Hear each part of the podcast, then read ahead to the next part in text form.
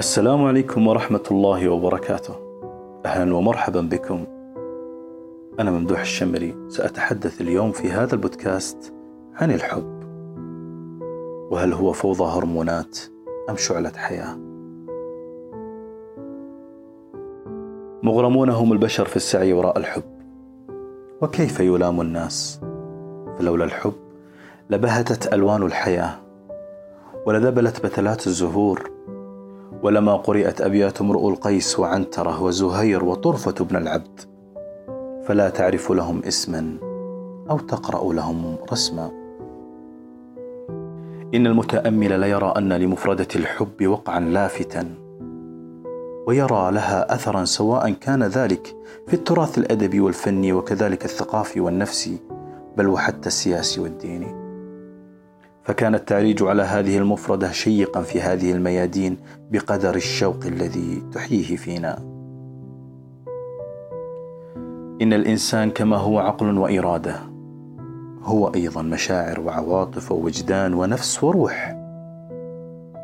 والحب حالة نفسية وعاطفية تنبع من أعماق الإنسان تمنحه السعادة والرضا. وهو أيضا رابطة روحية وإحساس نفسي وشعور وجداني يعيش في أعماق النفس. وأيضا لأهميته وقيمته في سعادة الفرد والأسرة والمجتمع فالحب يبني الاتجاهات التربوية والقيم والقناعات والاتجاهات السلوكية. يقول الفيلسوف البريطاني روجر سلاروين أن الحب يحدث عندما تزول المساحة الفاصلة بين المحبوبين وكأن الحب ليس إلا اتحاد مصالح. ولكن تشارلز تايلور يرى أن الحب غاية ولا يمكن ربطه بمصالح وغايات أبعد منه. أما جورج فيلهلم كان له رأي آخر حيث يرى أن الحب شعور يحدث في اللحظة يعيد فيه الاثنان إلى إحياء وحدتهما. في حين إريك فروم رفض قصر الحب على حالة شعور مجردة بل هو مجموعة وسلسلة من الأفعال والاستجابات. حسنا من سيحل دوامة فلسفات الحب المتباينة.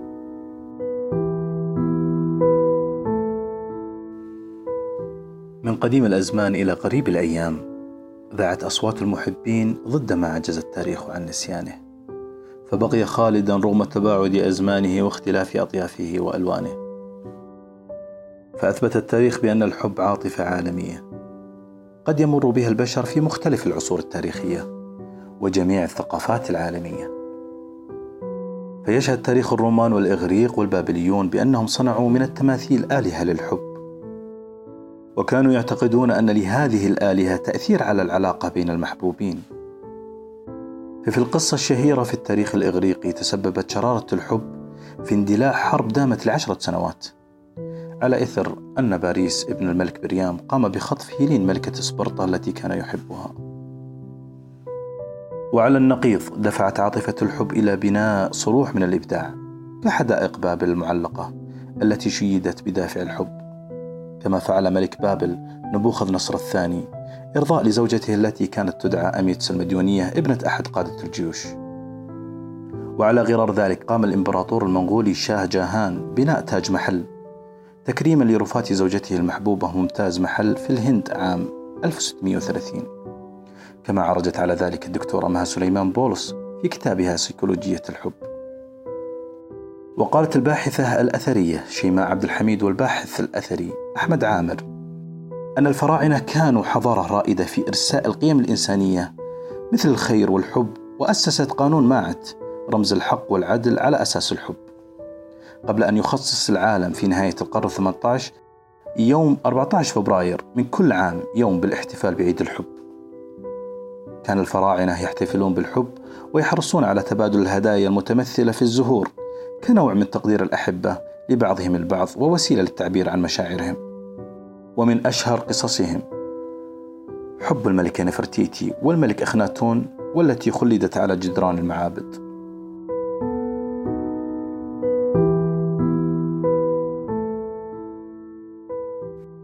أما العرب فقد كان لهم لون آخر في التعبير عن الحب. فقد اشتهروا في نظم القصائد حتى أنه اشتهر عند العرب استهلال قصائدهم بأبيات غزلية. كما بدا شعراء المعلقات قصائدهم فقال طرفة بن العبد البكري في معلقته لخولة أطلال ببرقة ثهمدي تلوح كباقي الوشم في ظاهر اليد وفي خلافة مروان بن الحكم ذاعت أبيات الشاعر قيس بن الملوح التي امتزجت قصائده بالحب الذي وصف بالحب العذري الطاهر النقي لخلوه من معيب الوصف والكلم ومن أشهر ما قال. وقالوا لو تشاء سلوت عنها فقلت لهم فإني لا أشاء. وكيف وحبها علق بقلبي كما علقت بأرشية دلاء. لها حب تنشأ في فؤادي فليس له وإن زجر انتهاء.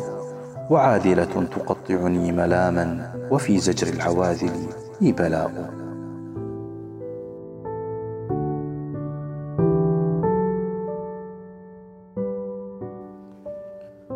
وبالرغم من أن البعض اختزل مفردة الحب بالعاطفة بين الجنسين إلا أن الأدب جاء شاهدا على أن للحب وجوه تناغم مع أذواق المحبين.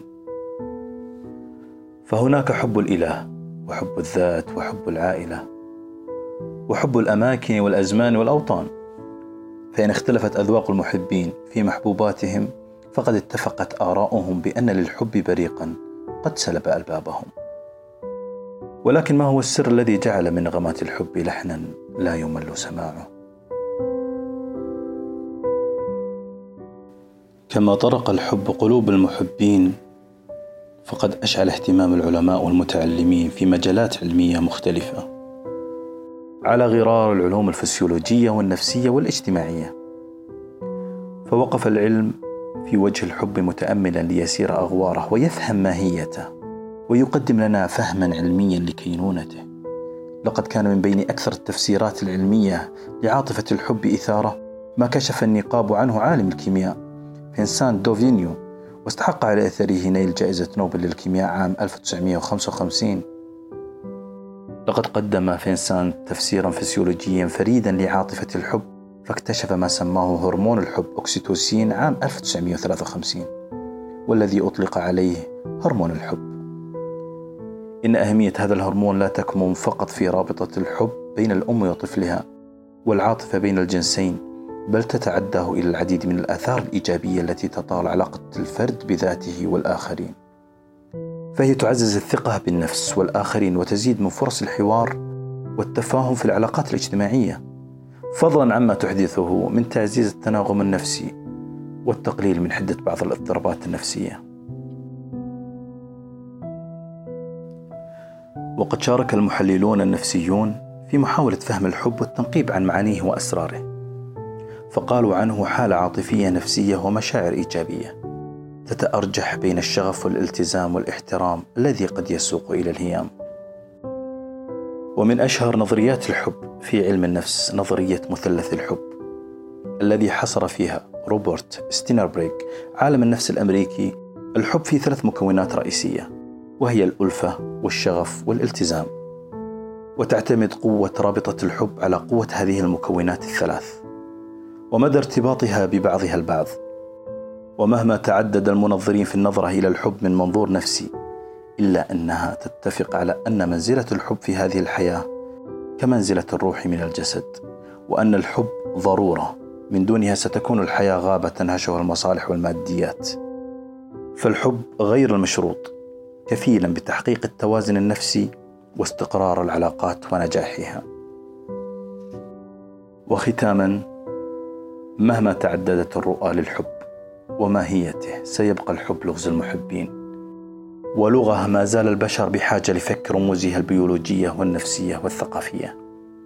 إلى ذلك الحين أودعكم بحب كما استقبلتكم بحب.